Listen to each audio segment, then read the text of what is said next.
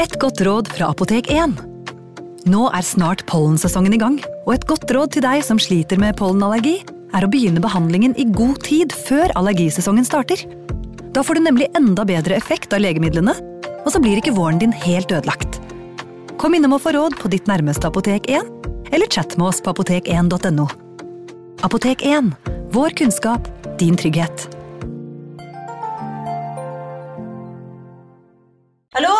Jeg kommer fra Oslo politikammer. Ine Jansen er purk. Er du purk? The motherfucking bitch. Alt jeg vil, er å finne ut hva som skjedde med mannen min. Jon Carew. Er jeg sikta for noe? Iben Akeli. Det er du. Ole So, Lars Berrum og Big Daddy Karsten. Hvem sin side er du på, egentlig? Anette Hoff, Tone Danielsen, Kommer du fra Afrika? Jørnis Josef, Nesten. Kløfta. Trond Espen Seim, Det er synd å si det, men det var feil mann som døde. Purk. Premiere tirsdag på TV2 Play.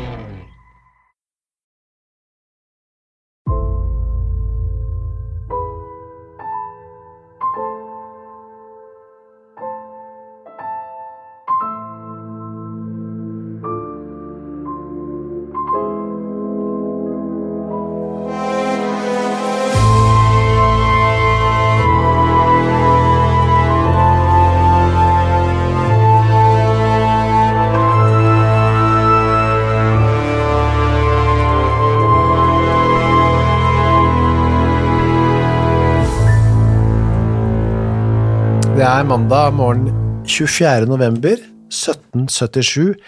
Vi er i Skien, Torgrim, og Halvor Nilsen. Jeg er kjøpmannen, ja. Han våkner av at huset hans brenner. ja. Og ikke bare huset hans brenner. Hele byen brenner. Han eh, redder seg selv ut, da. Kona, eh, fem barna, det minste var bare fire uker gammelt. Ja. De rekker ikke å kle på seg, de bare ramler ut, og det er, det er eh, vinter og snø. Og der ser de at eh, ilden sprer seg fra sitt hus uh, over til nabohuset, og videre og videre videre. videre, videre. Og de, de, klarer, de klarer ikke å, å stoppe den da. Eh, Før den kommer til et naturlig skille, en såkalt branngate, en sånn Gjeldegaten. Uh, Der klarer ikke ilden å hoppe over fra hus til hus, men uh, av de 340 husene som var i Skien da, så brant altså 170 av dem opp. Halv, godt over halvparten. Inkludert rådhuset, kirken og prestegården. Ja, ja, ja. Løvenskiold, en, eh, løve, en av Løvenskiold-slektene, Ja, ja, ja, de, de, de godseierne, ja. Ja, han skriver, eller han skrev senere da, veldig flott, synes jeg. Den kolde og gysende vinter var alt for hånden den 24. november. En værs innsamlede vinterforråd fortæret ilden, altså mat da, Ja, og mat, det du skulle ha å leve av. fortæret ilden, og den skrekksomme luer, den nødlidende ble bettlarm, altså tigger, Ja. og den fattigste var i fortvivelse utsatt for hunger, kulde og nøgenhet. Uh, ja, de husville søkte ly i ulmende ruinene, de fornuftige var rådville og utløste vedklager. Og de ufornuftige, der med nød unngikk den fortærende ild, brølede sine ville og rasende toner. Ja, altså det, han tenker da på, på, på de sinnssyke da, og Eller de ufornuftige, det. Ja. Ja, så det var eh, helt spesielt dårlig stemning da. Eh, veldig, og nå var jo bybranner var jo noe som red Norge, og eller hele Europa egentlig. Folk bodde jo tett, og det var trehus, og de var impregnert med tjære, og, og alle hadde åpne iller og åpne peiser, og det var fløyt med halm og, og brennbare materialer overalt. Røykvarsler var det ikke. Nei, men derimot stearinlys, som alle føyk rundt med og hadde.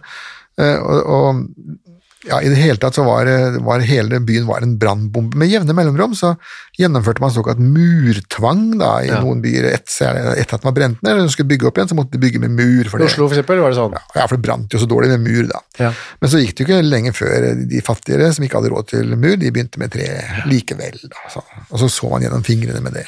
Hva slags by var Skien da på slutten av 1700-tallet? Eh, nei, det var en, en, en eh, by, altså en norsk eh, by, som sagt 300-400 hus, som var samla der og levde av eh, det som opplandet hadde å gi, det var jo tømmer. Det var jo tømmer, tømmerfløting som var det Norge hadde å lage byer av, unntatt på Vestlandet hvor det var fisk. Det var våre to store eksportartikler, og det var det folk kunne bli rike av, såpass at de kunne lage en by. Langs grensa mot Sverige så var byene bygd opp rundt festninger. Ja, det var Forsvaret som Ja. var arbeidsgiver. Og som sagt, på Vestlandet var det fisken, og så på, på Sørlandet handel, og her trelast. Så det var en middels stor norsk by da. Ja da, det var ikke, noe- det var ikke noen Det hadde eget lagting, altså Skien eh, lagting holdt til der. Og de hadde egen rådstue, og de hadde byprivilegier, og var en ordentlig, ordentlig by, da. Bortsett fra at den brant opp nå, da. Hele, Ja, men det, det gjorde jo Kristiania og Bergen og alt. Så det var litt name of the game på en måte å leve på den tiden, da. Ja, eh, de, de brant eh, med jevne mellomrom opp disse byene, da. Det ble et sånt eh, såkalt brannforhør etter denne bybrannen, da. Ja, det, det var, Man skulle forsøke å finne ut av som, hvem som hadde skylda, da. Og da var det jo veldig fokus da, den, på Halvor Nilsen, hvor det hadde begynt. Ja, det er vel ikke så usannsynlig, da. Og han sa eh, veldig tydelig nei, jeg har alltid vært veldig streng med min familie og mine tjenere. For han hadde noen tjenere. Ja, han, han var jo, Dette var en velstående mann. Eh, om at man skal være veldig forsiktig med lys og åpen ild. Eh, for eksempel skal ingen gå fra et brennende lys og gå ut Det er den samme regelen som vi har i dag. Da. Til og med barnepiken Bodil eh, hadde fått i oppdrag å sitte vakt på barneværelset hvor man ville ha litt lys. da.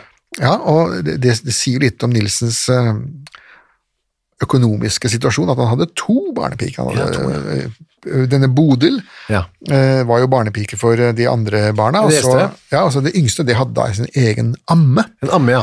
Eh, Og en amme det var den gangen litt mer enn bare en betalt pupp. Det var en barnepike som i tillegg skulle fungere som melkeleverandør da, og som Ja. ta seg barnet. Hvorfor kunne ikke mor, altså madame Smith, nei, madam Nilsen, gi pupp selv? Eh, Det ble sett på som mer helsosamt for barnet at puppen kom ifra landet. Oh, ja. Eh, De hadde bedre melk, da.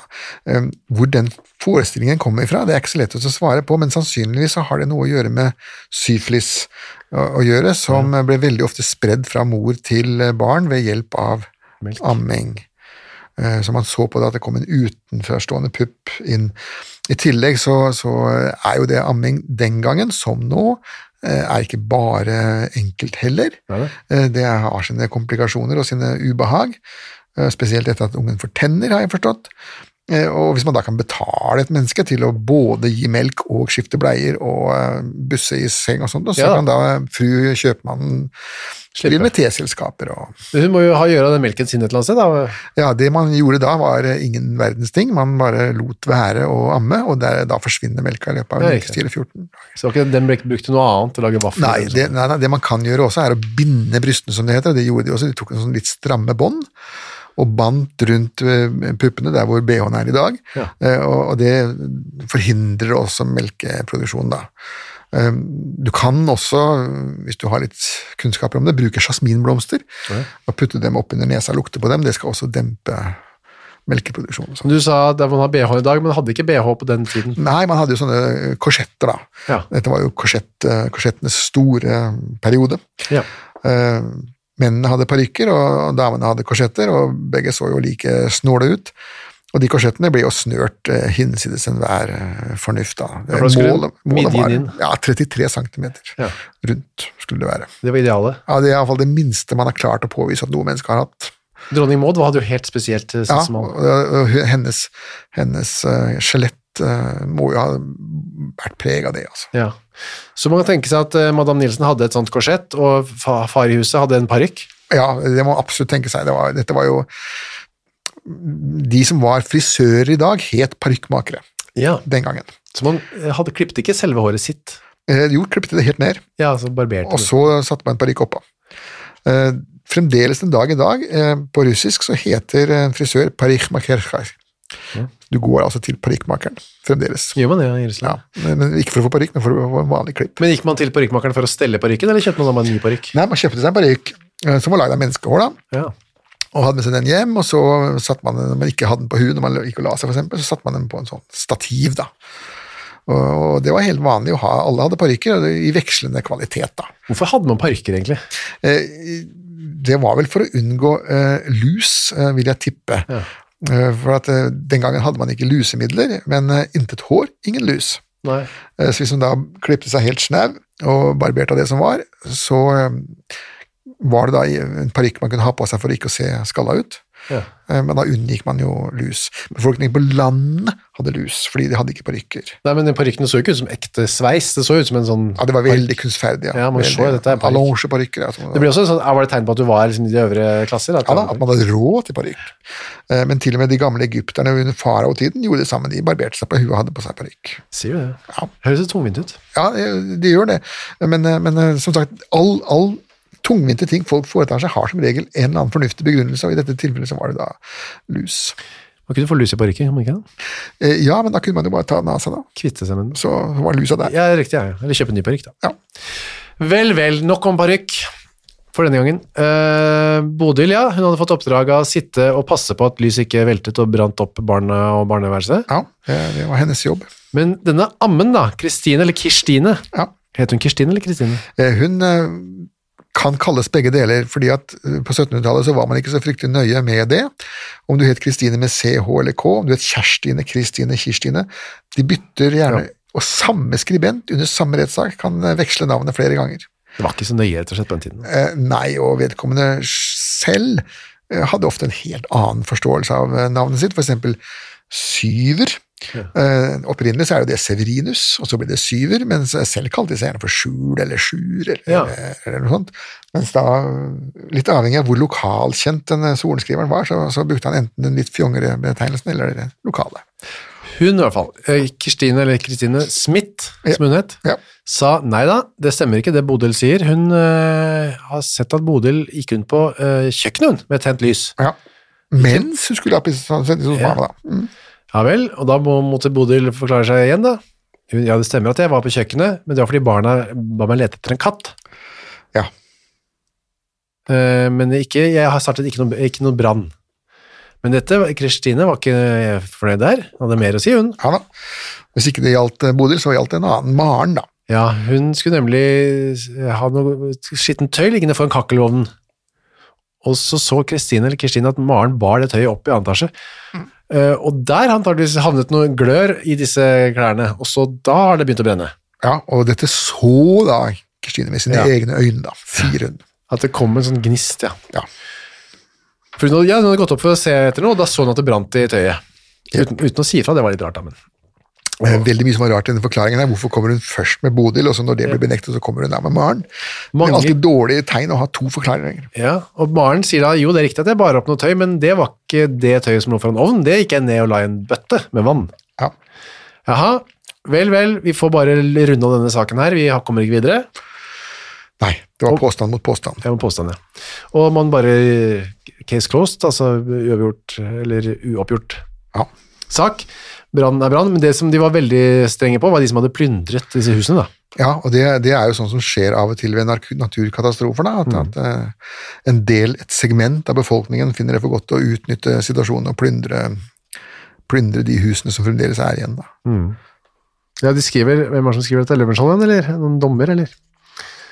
Da Det er Løvenskiold fremdeles, ja, som, Ja. som beskriver det han har opplevd. Når ondskapen især blant de der skulle vært kristne mennesker kan gå så vidt at man ikke unnser seg ved å fravennes skipbruddene, og det, de med dem like skjebne brannlitte.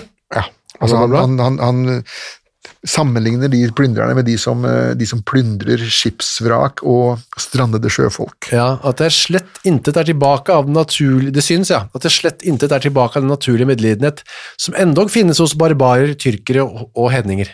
Ja, Altså til og med de har med litt mer medlidenhet enn de plyndrerne.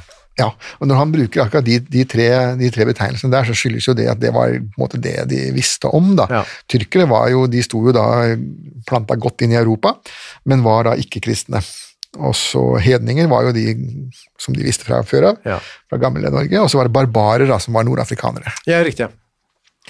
Det var de verste folka, men selv de hadde mer eh, hjerterom enn de, eh, eller ja, hjertelag ja, de ja altså, husk på at på 17, slutten av 1700-tallet så var det veldig vanlig blant norske sjøfolk å bli tatt til fange av barbarene i Ja. Nord-Afrika. Ja. I det med piratvirksomhet så kom du da i, ble du da satt som slave hos disse nordafrikanske høvdingene. Og måtte kjøpes løs med løsepenger, og med jevne mellomrom så var det innsamlinger i kirkene til den og den som nå sitter Mm. hos, um, hos sultanen i Algeriet eller et eller annet sånt, for å få ham løskjøpt. da. Så vi hadde, Det var på en måte en veldig lav list disse Ja. plyndrerne ble sammenlignet med. Ja, til og med under dem var de. Ja. Vel, eh, sånn var det nå, det var, fikk man ikke gjort noe med. Man bygget opp Skien igjen, eh, så gikk det to år. Til ettermiddagen, halv fem ettermiddagen, 2. november 1779. Og da begynner det jaggu meg igjen, gitt, å brenne hos uh... Tobakksfabrikant Nilsen ja. Skulle nesten tro han røkte tobakken sin selv. ja, for han gjorde ikke det. Eh, nei, de, de, de røkte jo ikke tobakk, det det var jo skråtobakk eller snus, eh, Ja, stort sett. da. Men han lagde det, eller han, man, han lagde Solgte det videre, var det Ja, det? pipestappe kunne du kan også røyke pipe. Og På 1800-tallet så begynte man også med sigarer, og så på 1900-tallet med sigaretter. Det er litt utvikling der. I hvert fall så ser man at det renner, nei, brenner fra fjøstaket, og det sprer seg over til nabohuset, akkurat som i to år tidligere da. Ja, Men nå er det jo eh, på dagen, ja og da slukker man det. og folk er sikkert litt mer eh, på, på, på alerten da, siden det er ikke så lenge siden sist. Nettopp. Man redder ut verdigjenstandene, men uh, til Nilsen da, uthuset hans brenner ned, selve huset blir stående. Ja, ja da, det er bare, han mister bare låven. Og naboen, Fredrik Wessel, han mister huset da. Ja. Han Nilsen er ute på jakt. Ja, han, øh, det var jo det var også veldig vanlig at husets herre gjorde da. Og det var jo ikke noe regul særlig reguleringer på det. Dette er jo november, ikke sant. Det høst, høstjakta. Høstjakta, ja. Eh, kona får eh, hentet noen folk inn til å flytte je- verdigjenstander ut av bygningen, og en av de som hjelper til der, arbeiderne på tobakksspinneriet, heter Antoni Andersen. Bra navn, Antoni Andersen. Ja, eh, Antoni var øh, et brukbart navn den gangen, det. Men kan ikke også til og med hete Antonius. Mens de, Antoni eh, bygger, eller flytter eh, et av skatollene til Madame Nilsen, da, så ser de at det er åpent. Ja, og nøkkelen er borte. Um, så får det en stor lås med nøkkelen i, da, eller? Ja. Eller iallfall nøkkelen var øh, Hvis det var åpent, så skulle nøkkelen være i. Ja, Når det var lukket, så skulle nøkkelen befinne seg hos husfruen. riktig, det gjorde den ikke. Nei. De åpner, de ser, og der eh, ligger en del penger her til vanlig, men nå er det borte. Jepp, øh, Nøkkelen er borte, pengene er borte. Noen har stjålet. Ok, så nå, dette er ikke plyndring, for det har ikke, vi har ikke, det har ikke brent opp. Nei. Plyndring er, øh, plyndring er når man går inn i et eller annet som holder på å brenne opp eller er ja. sammen, og så fjerner gjenstander. Tyveri er jo som man sniker seg inn og stjeler. Så kommer da Nilsen eh, hjem, må- herr Monsieur Nilsen. Ja. For man sa Monsieur og Madame på den tiden, eller? Ja det ja da, mon, Monsieur, som de, som de skrev. Monsieur. Ja. Herr, det var presten. Ja. Eh, og så var det monsieur, det var da eh, for eksempel eh, disse byfolkene, da. By, byene, deres fruer var da madame. Og, og til og med disse unge jentene kunne være mademoiselle. Det var det. Så det var fransk. Ja, det skulle være så fint som bare det. Eh, Monsieur Nilsen kommer nå hjem fra i jakten, og han har hørt et rykte, eller han får høre det da, kanskje? Ja han har fått høre det at eh, denne ammen hans Kirstine. har eh, skjulte reserver i skien. Ja. Hun har nemlig et skatoll, hun også, men det står ikke hjemme hos Nilsen, det står et helt annet sted.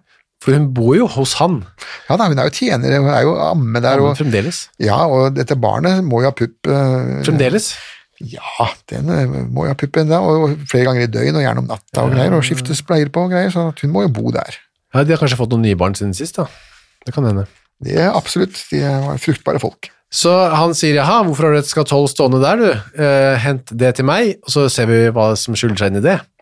Han syntes det var meget mistenkelig at hun Ja. hadde et skatoll et annet sted. Ja, for at hun skal i utgangspunktet være fattig. Ja, Og hva skal hun da med et skatoll? og et helt annet sted. Ja, Og de får gjort det, da henter det skatollet meg enklere å bare reise til det skatollet, men de henter selve skatollet. ja de, de, de henter det, og så må hun åpne det mens Ja. han står og ser på. Ja, og der velter det ut sølvtøy. Og lintøy og alt sammen. Lintøy, er det sengetøy, eller er det duker? Ja, det er lintøy er alt mulig. Det er sengetøy, og det er eh, underbukser og um, altså alt som er lagd av lin. da. Ja, riktig. Det, det brukes man til å lage alt mulig slags. Flott. Ja, lin var jo liksom behagelig stoff å ha på seg i forhold til vammøl og Ja. de andre, da. Så det hadde man gjerne innerst på kroppen. Mm.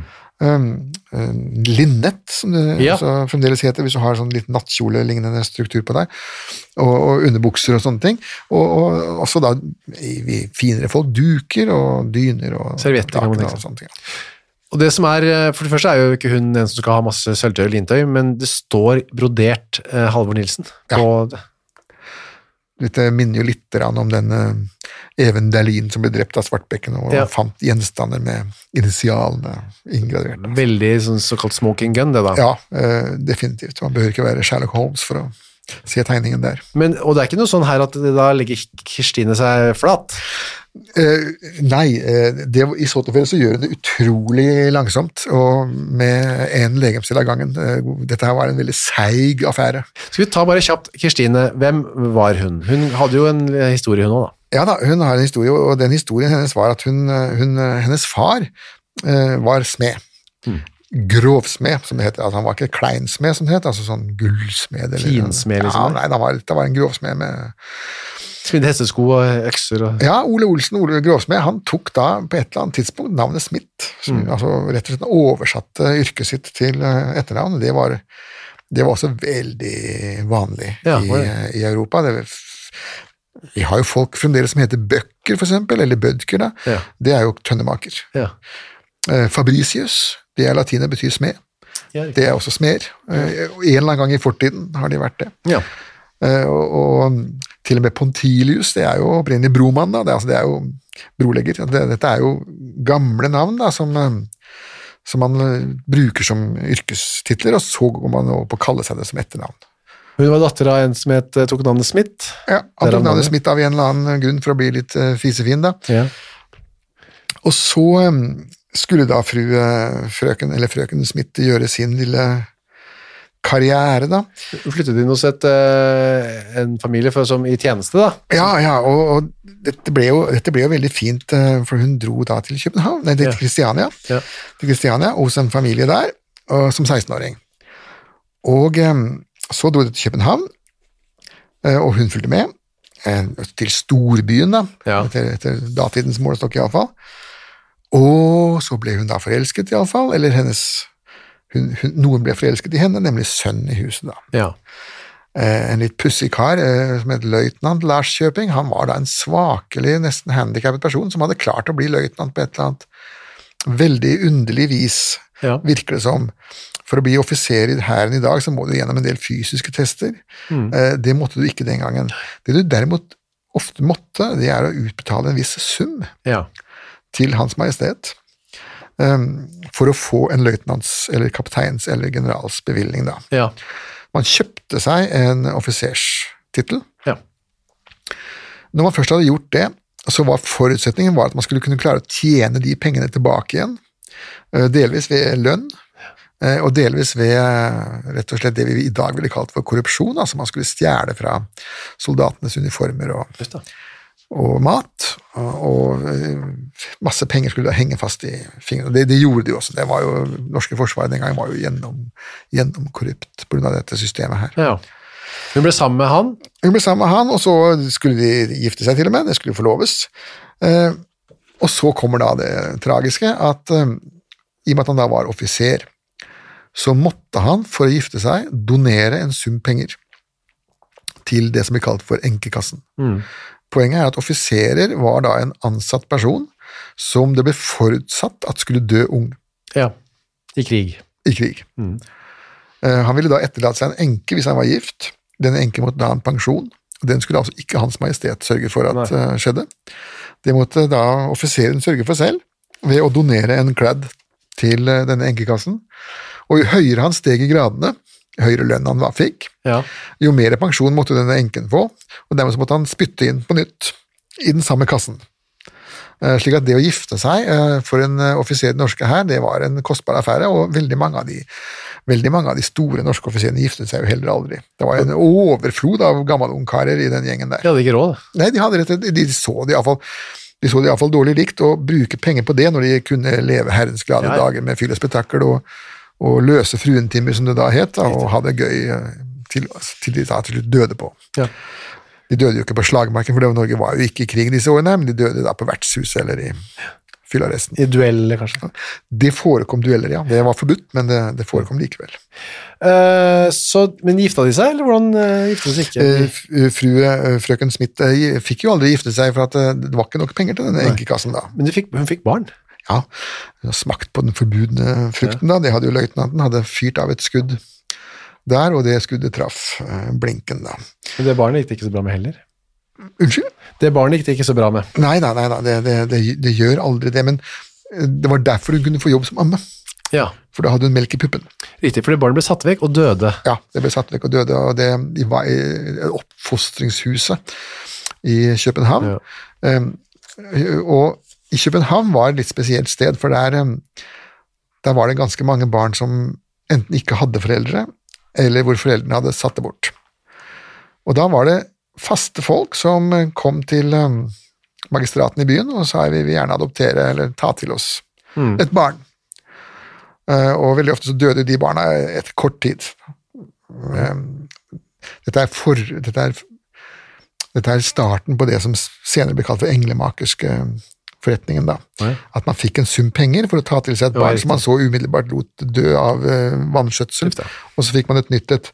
Og det er jo en ganske berømt historie fra omtrent samme tidspunkt, da, hvor, eh, hvor eh, legen ved fødselsstiftelsen sier til sin sjef at denne familien her må ikke få Ukas annonsør er Cura of Sweden. Visste du at verdens søvndag feires den 15. mars? Nei. Det er en dag som er til for å skape oppmerksomhet rundt dette med søvn. Og så er det en god anledning til å tenke over dette med egne søvnvaner. Jeg er jo veldig glad i å sove, jeg er så glad i å tenke på å sove, og så veldig glad i å glede meg til å legge meg. Jeg så på Squid Game med familien her eh, rundt juletider. Der legger jo deltakerne seg eh, hver kveld da, i sengene sine, og da, det kunne jeg nesten synes var høydepunktet av Squid Game, var når deltakerne la seg. Jeg synes det så så deilig ut å legge seg. Nå hadde ikke de Cura of Sweden vektdyner, da, riktignok, eh, som hadde gjort det enda bedre. Det er en ny studie nå fra Uppsala universitet som viser at vektdyne, bruken av det, øker melatoninnivået hos friske unge voksne eh, når de legger seg. Da.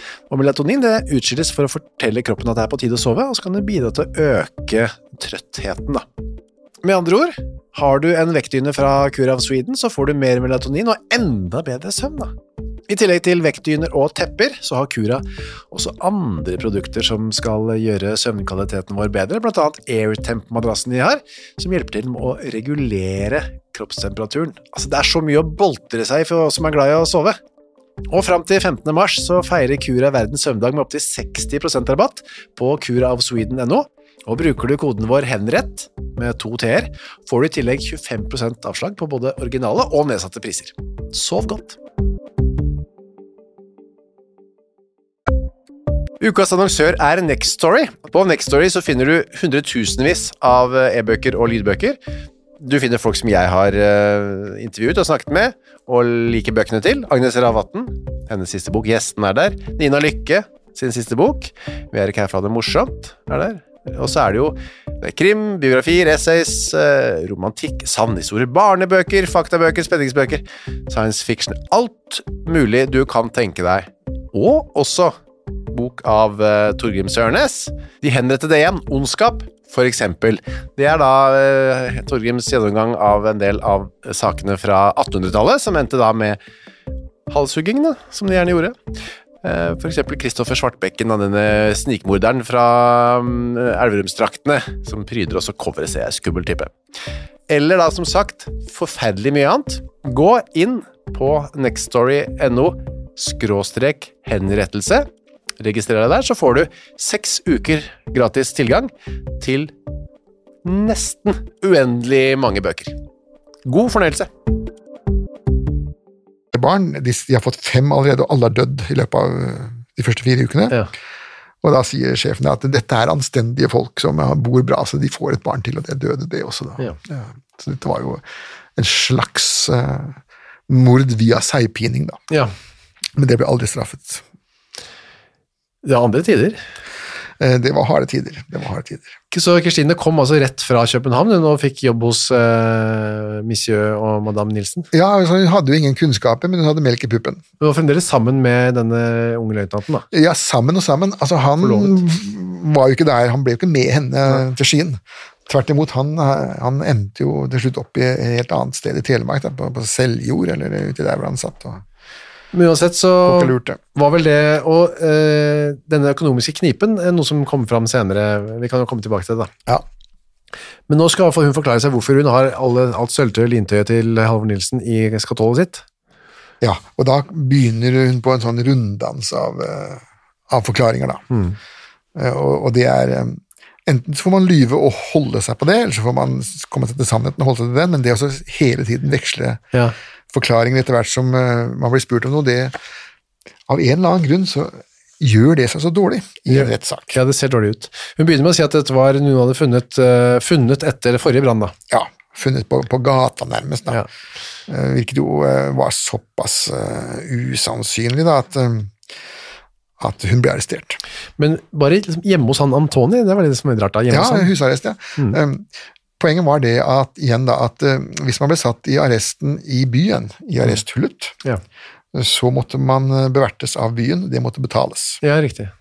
Eh, Og det måtte betales med to skilling i uken. For å spare de pengene, så har han en foreløpig da i husarrest hos sin egen ansatte.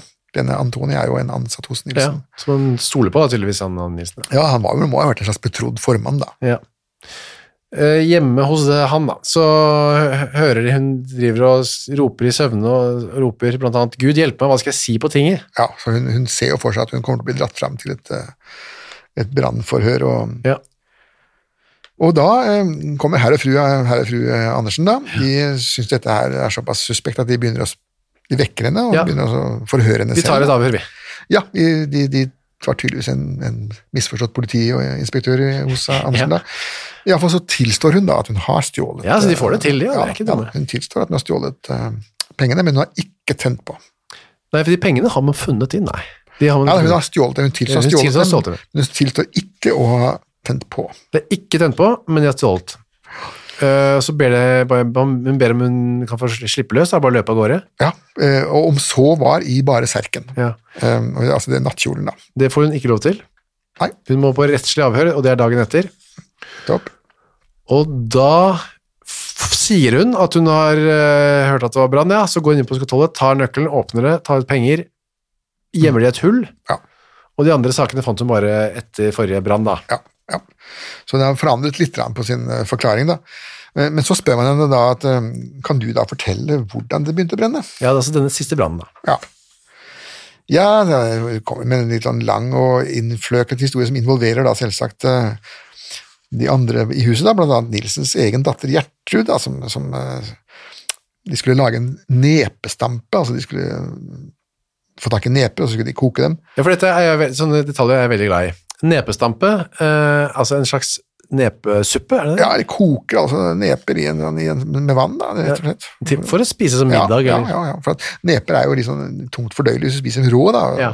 Det, sånn at de, de må kokes en stund. Litt som, som eh, sopp og løk og sånt. Altså. Ja, for da sier hun at eh, sier at hun skulle sette gryten over ilden. Gjertrud, altså datteren til Nilsen, ja. skulle løpe ut for å plukke neper. Eller få tak i dem, iallfall. Ja, ja. Ja, en tredje som heter Anne, selvfølgelig, skulle hente vann. ja.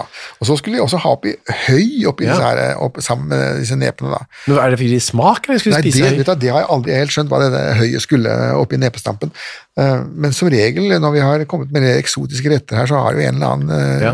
innsender etterpå kommet med oppskriften. Da. Så sett, hvis det er noen der ute som har eh, førsteklasses kjennskap til nepestamp og det gamle norske kjøkken, så er det bare å komme med det. Gjerne, hvis dere ikke har det, så eksperimentere litt og koke litt neper og litt høy, og se hvordan det smaker. Ja. Ja.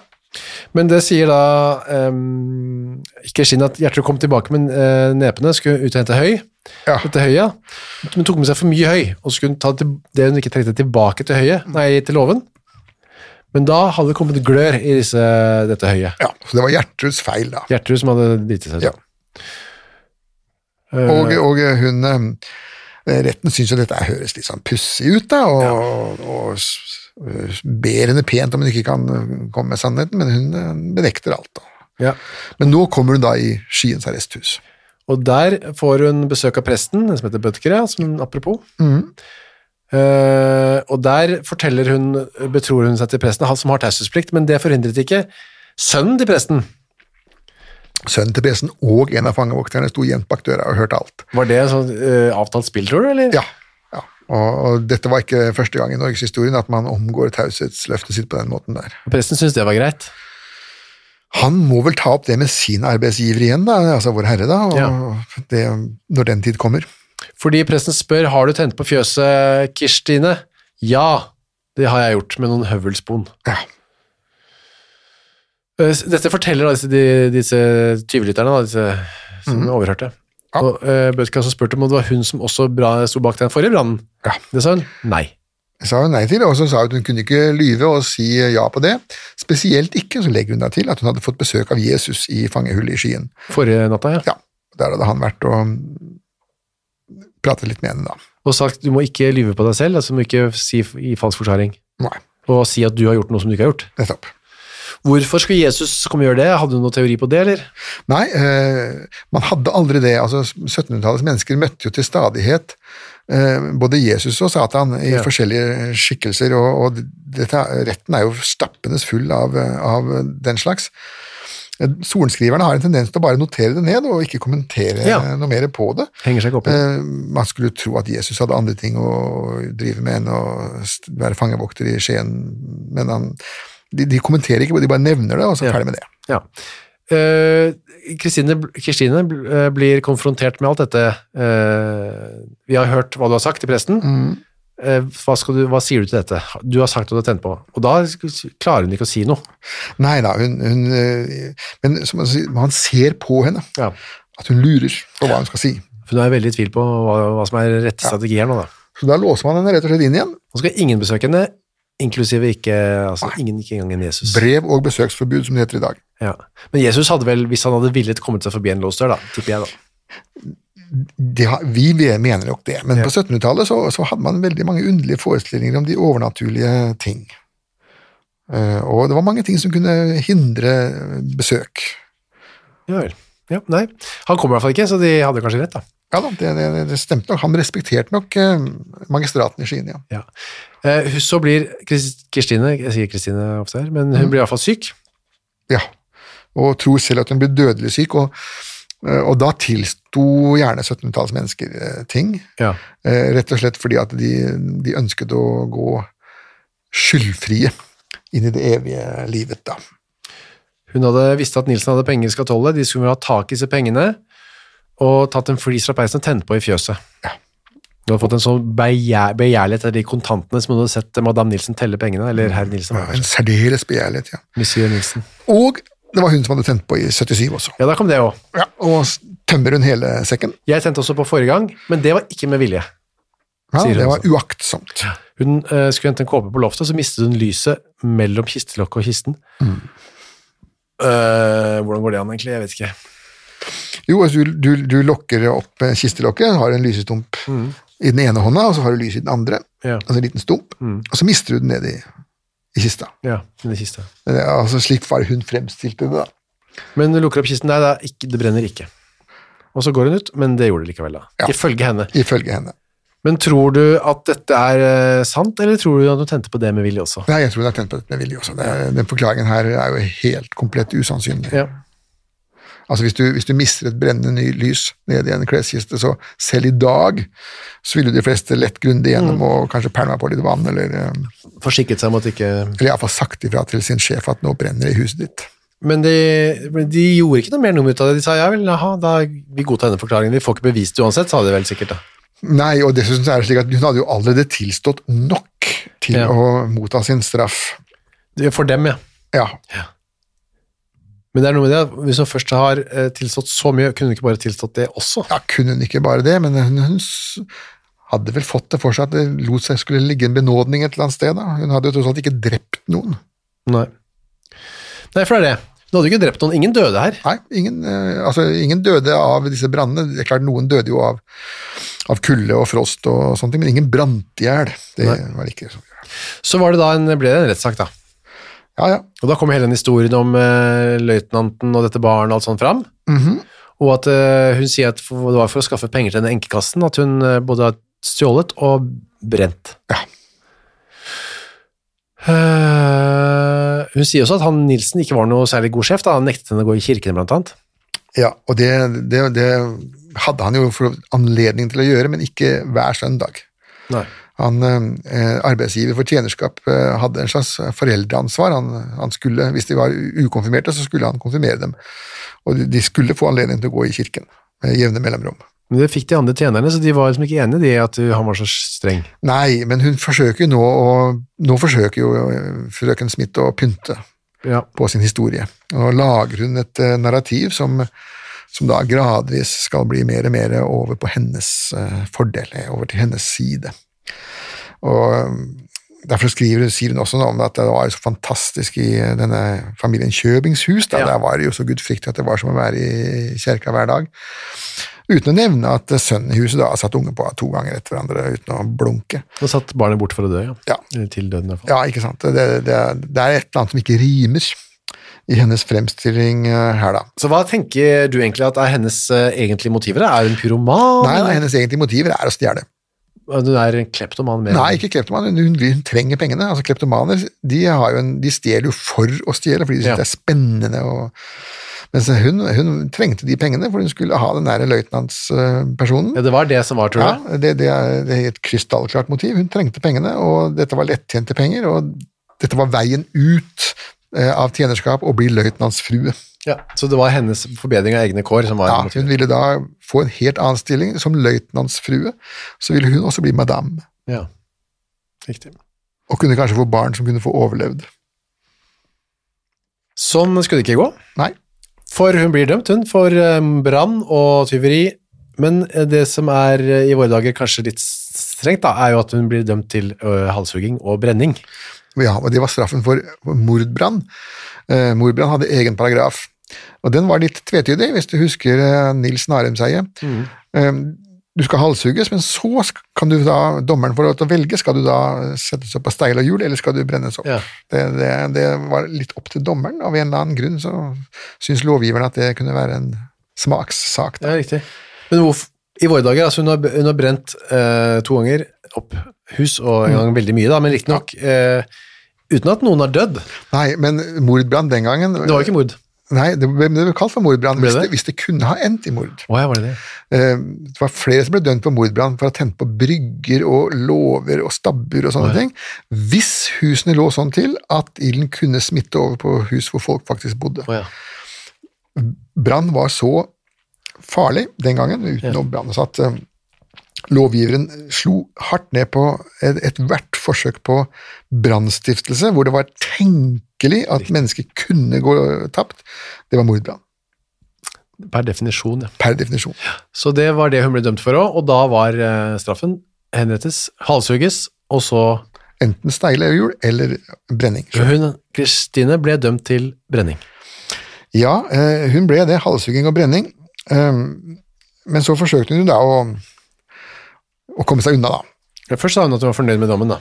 Ja, ja, med dommen var hun fornøyd, men, eh, men eh, ja, hun ville jo ikke appellere. Nei, vil ikke anke. Men derimot så ville hun jo forsøke å rømme, da. Ja, hun har ikke gitt opp her eh, helt ennå. Nei, nei, nei, hun har fremdeles litt fighting spirit, og klarer da å, å grave et høl. Mens hun sitter og venter på appellen skal Ja, sitter i dette fangehølet i, i skien, da, så graver hun seg et høl, men det hølet hun graver, graver, det går da inn til nabocella, det går ikke ut, Nei, eh, altså i fri, i friluft. Ja. Det går inn til eh, cella på naboen. Og eh, så Der sitter en type. Ja, der sitter jo en, en tyv. Ja. Eh, Og så er da planen er da at, eh, som hun sier til Hansen, da, det at ja, Tyven som heter Halvor Hansen, ja. ja, som hun sier til han, at nå skal de ta oss og gjøre dette hølet større, så skal hun komme seg over i cella hans, og så derfor skal de låse seg ut, for hun har nemlig klart å få tak i en nøkkel da, til hans celle. Det er godt gjort. Ja, og sannsynligvis er vel det også bare vås, og det ser ut som Hansen også har skjønt at dette var bare tull, så han sladrer. Men hun smugler først inn til han gjennom dette lille hullet, da, som hun har klart å lage. Ja, En, en fil. en fil, en kniv og et lite jernspyd. Ja. Det er jo godt gjort å få tak i det òg, da. Ja, eh, det kan du vel godt si at det er, spesielt når hun satt på brev- og besøksforbud, Mm. men eh, som sagt, norske fengsler i dag flommer jo over av eh, lignende ting. Enda våre muligheter for overvåkning med kamera og bevegelsessensor og sånne ting er jo veldig mye større enn det de hadde. vet, akkurat jernspyd og fil, at det var noe man så litt etter. Man, Ja, man skulle tro det, men eh, vi har jo, vi har sett mange eksempler på at eh, ja, vi har det. de underligste ting dukker opp i norske fengsler. Ja, så Hvis han hadde vært med på dette, her da, denne Halvor Hansen, så hadde de kanskje klart å komme seg ut av Ja, det? det, det, det, det var masse rømninger. Norske fengsler på 1700-tallet var ikke rømningssikre i det hele tatt. Nei. Ja, Haugevis av folk som rømte og forsvant og ble borte. Ja. Men det, sånn ville ikke Halvor Hansen ha det. Nei, han syntes det var bedre å tyste. Det var kanskje med håp om at hans straff skulle bli redusert, da. Ja, eller iallfall ikke verre. Hvis han var førstegangstyv, så, så, så fikk han jo noen år på tukthuset, men, eller i slaveriet. Eh, Men hvis han da ble tatt for å hjelpe en å rømme, så ble det jo perm på en del år ekstra på den straffen. da. Så han sladrer. Kristine prøver, prøver å rømme, altså. Og da, ja, da bare kommer de inn og låser henne fast i veggen. Ja, med lenker om hender og føtter, og så en sånn diger jern... Uh, jord, som det heter, altså en sånn jernbånd rundt magen, da, som så boltes fast til eh, murveggen. Der ble hun sittende til appellsaken kom opp hos lagretten. Ja, der ble hun sittende da, og um, Det gikk ikke spesielt mye bedre der, da. Nei, Hun ville heller ikke appellere den dommen. Nei, men den ble appellert likevel. Eh, og overhoffretten, da, som er i, eller var i Kristiania, eh, det er gitt nesten enda verre. Han skriver han ene dommeren der at Kristine Olsdatter Smith, hvis forbrytelse kommer menneskeligheten til å gyse, og bare klubber gjennom den gamle dommen. Altså, vi som er litt holdt på å si, bortskjemte med Vi gyser jo ikke så veldig mye, vi, da, denne forbrytelsen her. Nei, altså i dag så hadde hun vel ikke fått noe hun hadde, fått, ja, hadde vel nok fått straff, altså man skal ikke tenne på, på hus, eh, men hun hadde fått straff som brannstifter. Ja. Eh, Og vel muligens fått en hardt tiltrengt psykiatrisk bistand, Ja. vil jeg tro. Noen å snakke med. Man var så redd for brann at, det, at noen tente på med vilje var helt det verste man kunne tenke seg. Ja, for at du husker dette var på en tid hvor norske byer, når de først begynte å brenne, så Ja. brant de altså ned. altså Hele Berg og Kristiania de, de bare ble lagt i aske, og, og hundrevis av mennesker ble jo frarøvet sitt eh, opphold. Så da var det klubben i bordet, boinks, Ja. eh, dødsdommen eh, opprettholdes, og du skal også brennes etterpå. Ja. Etter hun er død, da, vel å merke. Ja, men hun, hun forsøkte jo en runde til, da. Nå, nå ville hun plutselig appellere, da. Ja, nå vil hun appellere. Ja, til Høyesterett, men da, da skriver jo myndighetene at det er noe hun gjør for å få sjansen til å rømme en gang til. Riktig. Bare ut, trekker det hele ut. Hun kom til Høyesterett. Ja da, hadde, Man hadde ikke anledning til å nekte det, men eh, hadde hun bedt om Høyesterett, så fikk hun Høyesterett.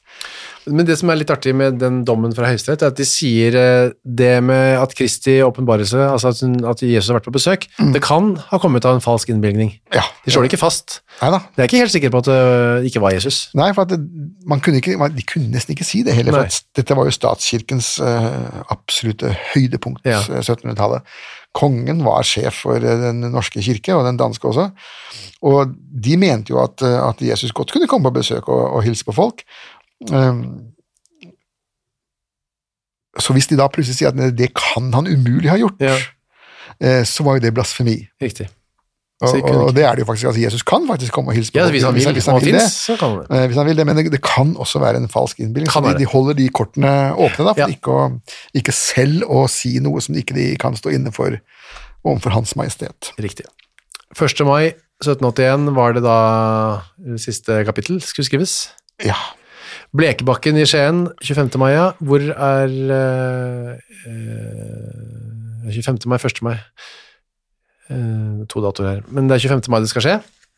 Nei, an- andre, andre mai, eh, 70, og- 2. mai 1781 så godtok eh, Hans Majestet Kongen, og så, så kom eksekusjonen da 25. da, 25. da. Blekebakken, det vet jeg ikke noen ting om hvor det er, eller hvordan det ser ut der. det heter Bleikebakken nå, tror jeg. De Ja. har vel normalisert det til Men de brenner vel ikke så mye folk der lenger, får vi håpe. Nei, hun var vel den siste.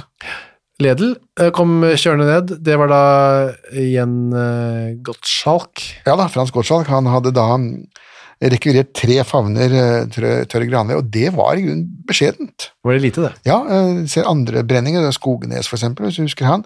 Eh, Da var det jo tre favner med granved og to favner med furuved, og pluss tjæretønner, og, og det var ikke grenser. Men eh, det var jo en mann, og de er jo litt større, så små jenter, eh, altså jo mindre person, jo Ja, mindre, mindre bål. Vi får tro at det var nok. Ja, hun ble iallfall brent opp, eh, men forskjellen er at hvis hvis du har et lite bål, så tar det så lang tid, Ja, eh, og så stinker det jo litt, da. det gjør det jo. Ja, det er som hvis du brenner baconet. Ja. Riktig. Da kan vi levende forestille oss åssen den var. Det kom folk dit, vil vi tro, også. og Hele byen sto og så på, og jeg vil tro at mange eh, godtet seg, da, de som hadde mistet alt alt de eide i brannene. Var det noen som så klappet? Klappet man på tiden?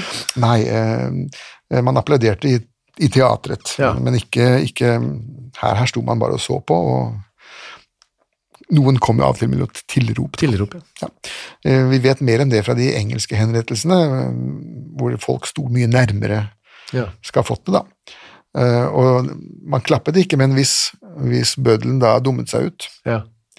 eh, hvis eksekusjonen ikke gikk så vellykket som den egentlig burde, eh, så ble menneskeflokken veldig hissig og eh, forlangte at bøddelen også skulle henges, da. Å ja, det hendte det? Ikke? Ja, det, det hendte det at det gikk eh, feil, ja. At det tauet røyk, eller Ja, men at bøddelen måtte dø, han Nei, nei, ja, ja det hendte. Det var mange dødbødler som ble henrettet, men her var det snakk om lynsjing, da. Ja, lynsjing. Ja. Ja, og da var det, etter det så kom jo disse vaktene, da. Vaktene. ja. Alltid, hvor alltid vakter rundt skafottet som skulle hindre lynsjing av eh, bøddelen. Ja. Men det trengte man ikke her, for Ledel gjorde jobben, hogget hodet av eh, Kirstine, Mm. og så la han hodet og kroppen, får vi tro, da, på dette bålet, Ja, og tente på. og brant opp. Ja. Og så ryddet seg på takk for i dag. Ja, 43 daler og 24 skilling fikk han for det. Det er en bra eh, lønn, det. Ja, altså, Ledel var en holdenmann, han. Holder ja. Ja, absolutt. Og han behøvde ikke jobbe som kirurg, han hadde ikke tid til det heller. Han var den mest opptatt av bøddelen. Vi hadde farta jo rundt hele Østlandet, og hadde knapt nok tid til sin egen familie, og så gikk jo det ikke så veldig bra heller da med hans familie. Det var uheldig utvikling hos han, hans barn. da. Ene ble jo leder for et fantefølge, og den andre hengte seg jo. Så det. Men, eh, eh, og hun ble da eh, det som var igjen av Ann- Kirsten, mener. Kristine. Ja. Det var ikke så mye. Hva gjorde man med det? Nei, det blir ikke noe igjen, det ble Det ble bare aske igjen. Det var ikke noe begravet. Nei, det blåser vekk. Så det bortfaller. bortfallet. Ja. Strøs på nærmeste rosebusk. Historien var slutt, men denne Lars, altså hennes tilkommende, da, han eh, gikk videre i livet. Ja, han gikk, han, riktignok så, så ble han dimittert han dimita som løytnant fordi han var helt ufør og kunne ikke brukes noe som helst. Så han havna da på en, eh, med en liten pensjon, fikk seg en liten gård, Skutevoll, I Seljordet. Seljord, ja. Og der, eh, når folketellingen i 1801 ruller opp, så bor han der som avskjediget løytnant med kone og en sønn. Og bor det hans etterkommere der fremdeles? Det vet jeg ikke, det kan jeg ikke tenke meg, fordi at eh, Seljord er jo et fraflyttingsområde. Ja. og har vært det lenge. Men jeg har ikke som sagt sjekket etter hvor kjøpingsfolk er blitt av. Plutselig så har etterkommer Vi fikk jo ø, henvendelse på Instagram fra etterkommeren til han Hammer, du, som Ja, ja da, det, det, var en liten, liten sjokk. ja, Jakob Wallin drepte. Ja. De lever. De visste ikke hvor dette verktøyskrinet var blitt av. da. Nei, det må vel, må vel ha gått på dynga for lenge siden, vil jeg tro. Hvis det sitter noen etterkommere der ute, så er det bare å ta kontakt. Henrettelsespodden alfakrøllgmail.com, eller på Facebook eller Instagram, da. Men vi er tilbake neste uke vi med flere grusomheter, eller hva, Torgrim? Ja da, det er nok av dem.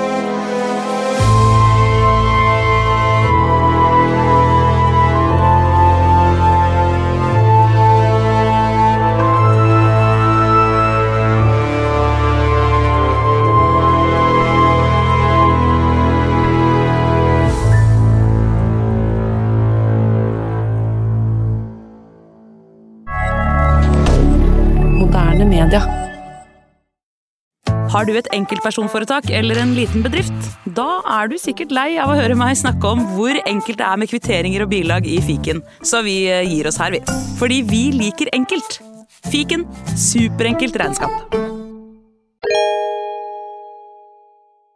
Hei, takk for at du hører på Henrettelsespodden.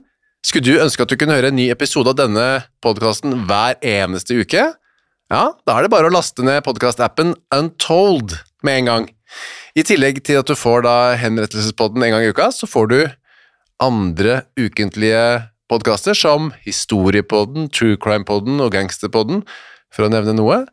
I tillegg til masse annet reklamefritt og eksklusivt innhold, blant annet noen godbiter, da, signert Torgrim og meg. Last ned Untold i AppStore eller på Google Play, og start din 30 dagers gratis prøveperiode i dag.